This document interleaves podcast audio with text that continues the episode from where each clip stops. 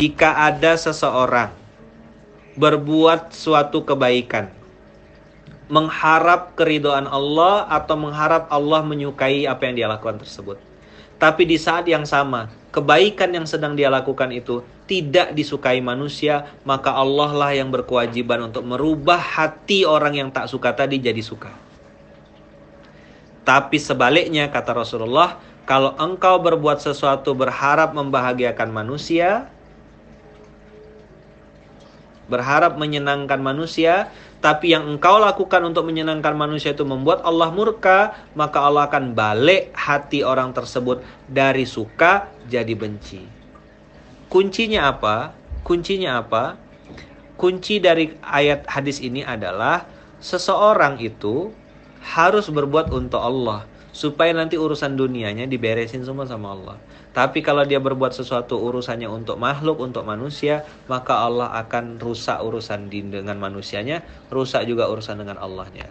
Nah, alhamdulillah nih Kang Randy udah dapat kayaknya nih, dapat dapat isinya, dapat hadisnya nih ya. Kita lihat nih, coba munculkan Kang Randy. Ahlan. Nah, ini dia.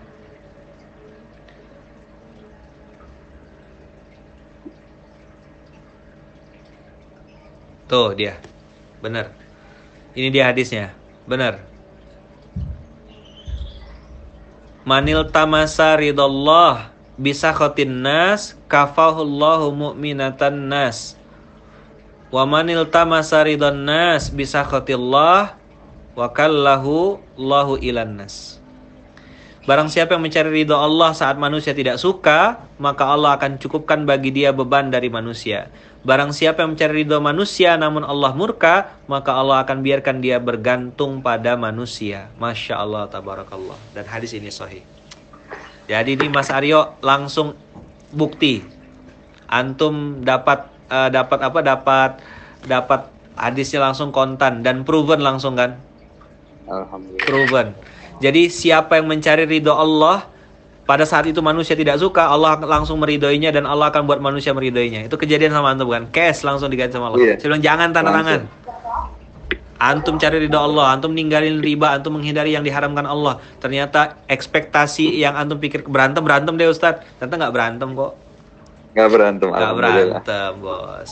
Jadi ini hadis tuh saya ingat banget. Nah, tapi juga sebaliknya, barang siapa mencari ridho manusia dan membuat Allah murka, maka Allah akan murka padanya dan membuat manusia yang lain pun ikut murka. Nauzubillah min dzalik. Jadi kita rugi dua kali, Bos. Udahlah bikin manusia murka, bikin Allah juga murka. Nggak ada. Jadi jangan pernah mencari keridoan makhluk. Sakit kita, babak belur. Maka saya kalau ditanya sama orang Ustaz, apa yang bikin Ustaz confident? Apa yang bikin Ustaz tuh kalau berbuat tuh kok kayaknya mantep gitu, optimis gitu. Saya bilang saya menjalankan apa yang Rasul sebutkan. Saya menjalankan apa yang baginda Rasulullah sampaikan. Saya menjalankan apa yang Allah sebutkan dalam Quran. Kalau pakai ini, saya bilang, tidak membuat antum beriman dan tidak membuat antum bergerak, mau pakai apa lagi saya nyampaikan, apalagi omongan saya, omongan Nabi Muhammad aja didengar kok. Kan susah ya ngomong sama orang nggak percaya sama Nabi Muhammad. Susah kan ngomong sama orang nggak percaya sama Allah gitu. Gimana kita mau kasih? Allah yang ciptain dia aja dia nggak percaya maka jangan buang-buang waktu. Jadi gini, tarkul jawabi alal jahili jawabun. Tidak menjawab kepada pertanyaan orang bodoh itu adalah jawabannya. Jadi kalau antum ikut berdebat sama orang jahil yang nggak punya ilmu, yang nggak kompeten di bidangnya dan nggak ngerti juga omongannya, janganlah. Masa tukang bangunan ngomongin bakso, tukang bakso ngomongin pesawat terbang, ya nggak nyambung. Semua orang tuh dikasih Allah keahlian. Nah, keahlian-keahlian ini kita tanyakan pada orang yang mengerti ilmunya, ngerti fahaminya. Kita tanya kepada orang yang memang expert di bidangnya. Konsultasi di kepada konsultan yang tepat. Begitu kira-kira Mas Aryo. Mudah-mudahan jadi penguat kita pe, pe, penguat dan juga motivasi buat ya. internal kita di dalam ya. bahwasanya semakin sering kita mengharap ridha Allah, semakin mudah dan semakin besar peluang Allah mudahkan dan lancarkan semua urusan-urusan kita. Jadi semakin kuatlah narasi bahwasanya Allah eh Indonesia ini akan bahagia ketika satu Amin. Indonesia berusaha membahagiakan orang lain. Indonesia akan ditolong Allah kalau orang Indonesia juga suka dan hobi menolong orang lain. Kalau yang sudah menolong gimana Ustadz? Ayo ajak dan gerakkan lagi orang-orang untuk ini. Maka di pondok saya selalu bilang bergerak, menggerakkan, bertumbuh bersama. Bukan hanya bergerak sendirian, tapi ngajak orang lain juga bergerak. Ayo, ayo, ayo.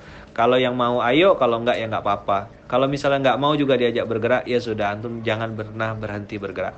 Karena sepeda yang berhenti di kayu itu akan jatuh. Begitu kira-kira. Masya Allah. Tabarakallah.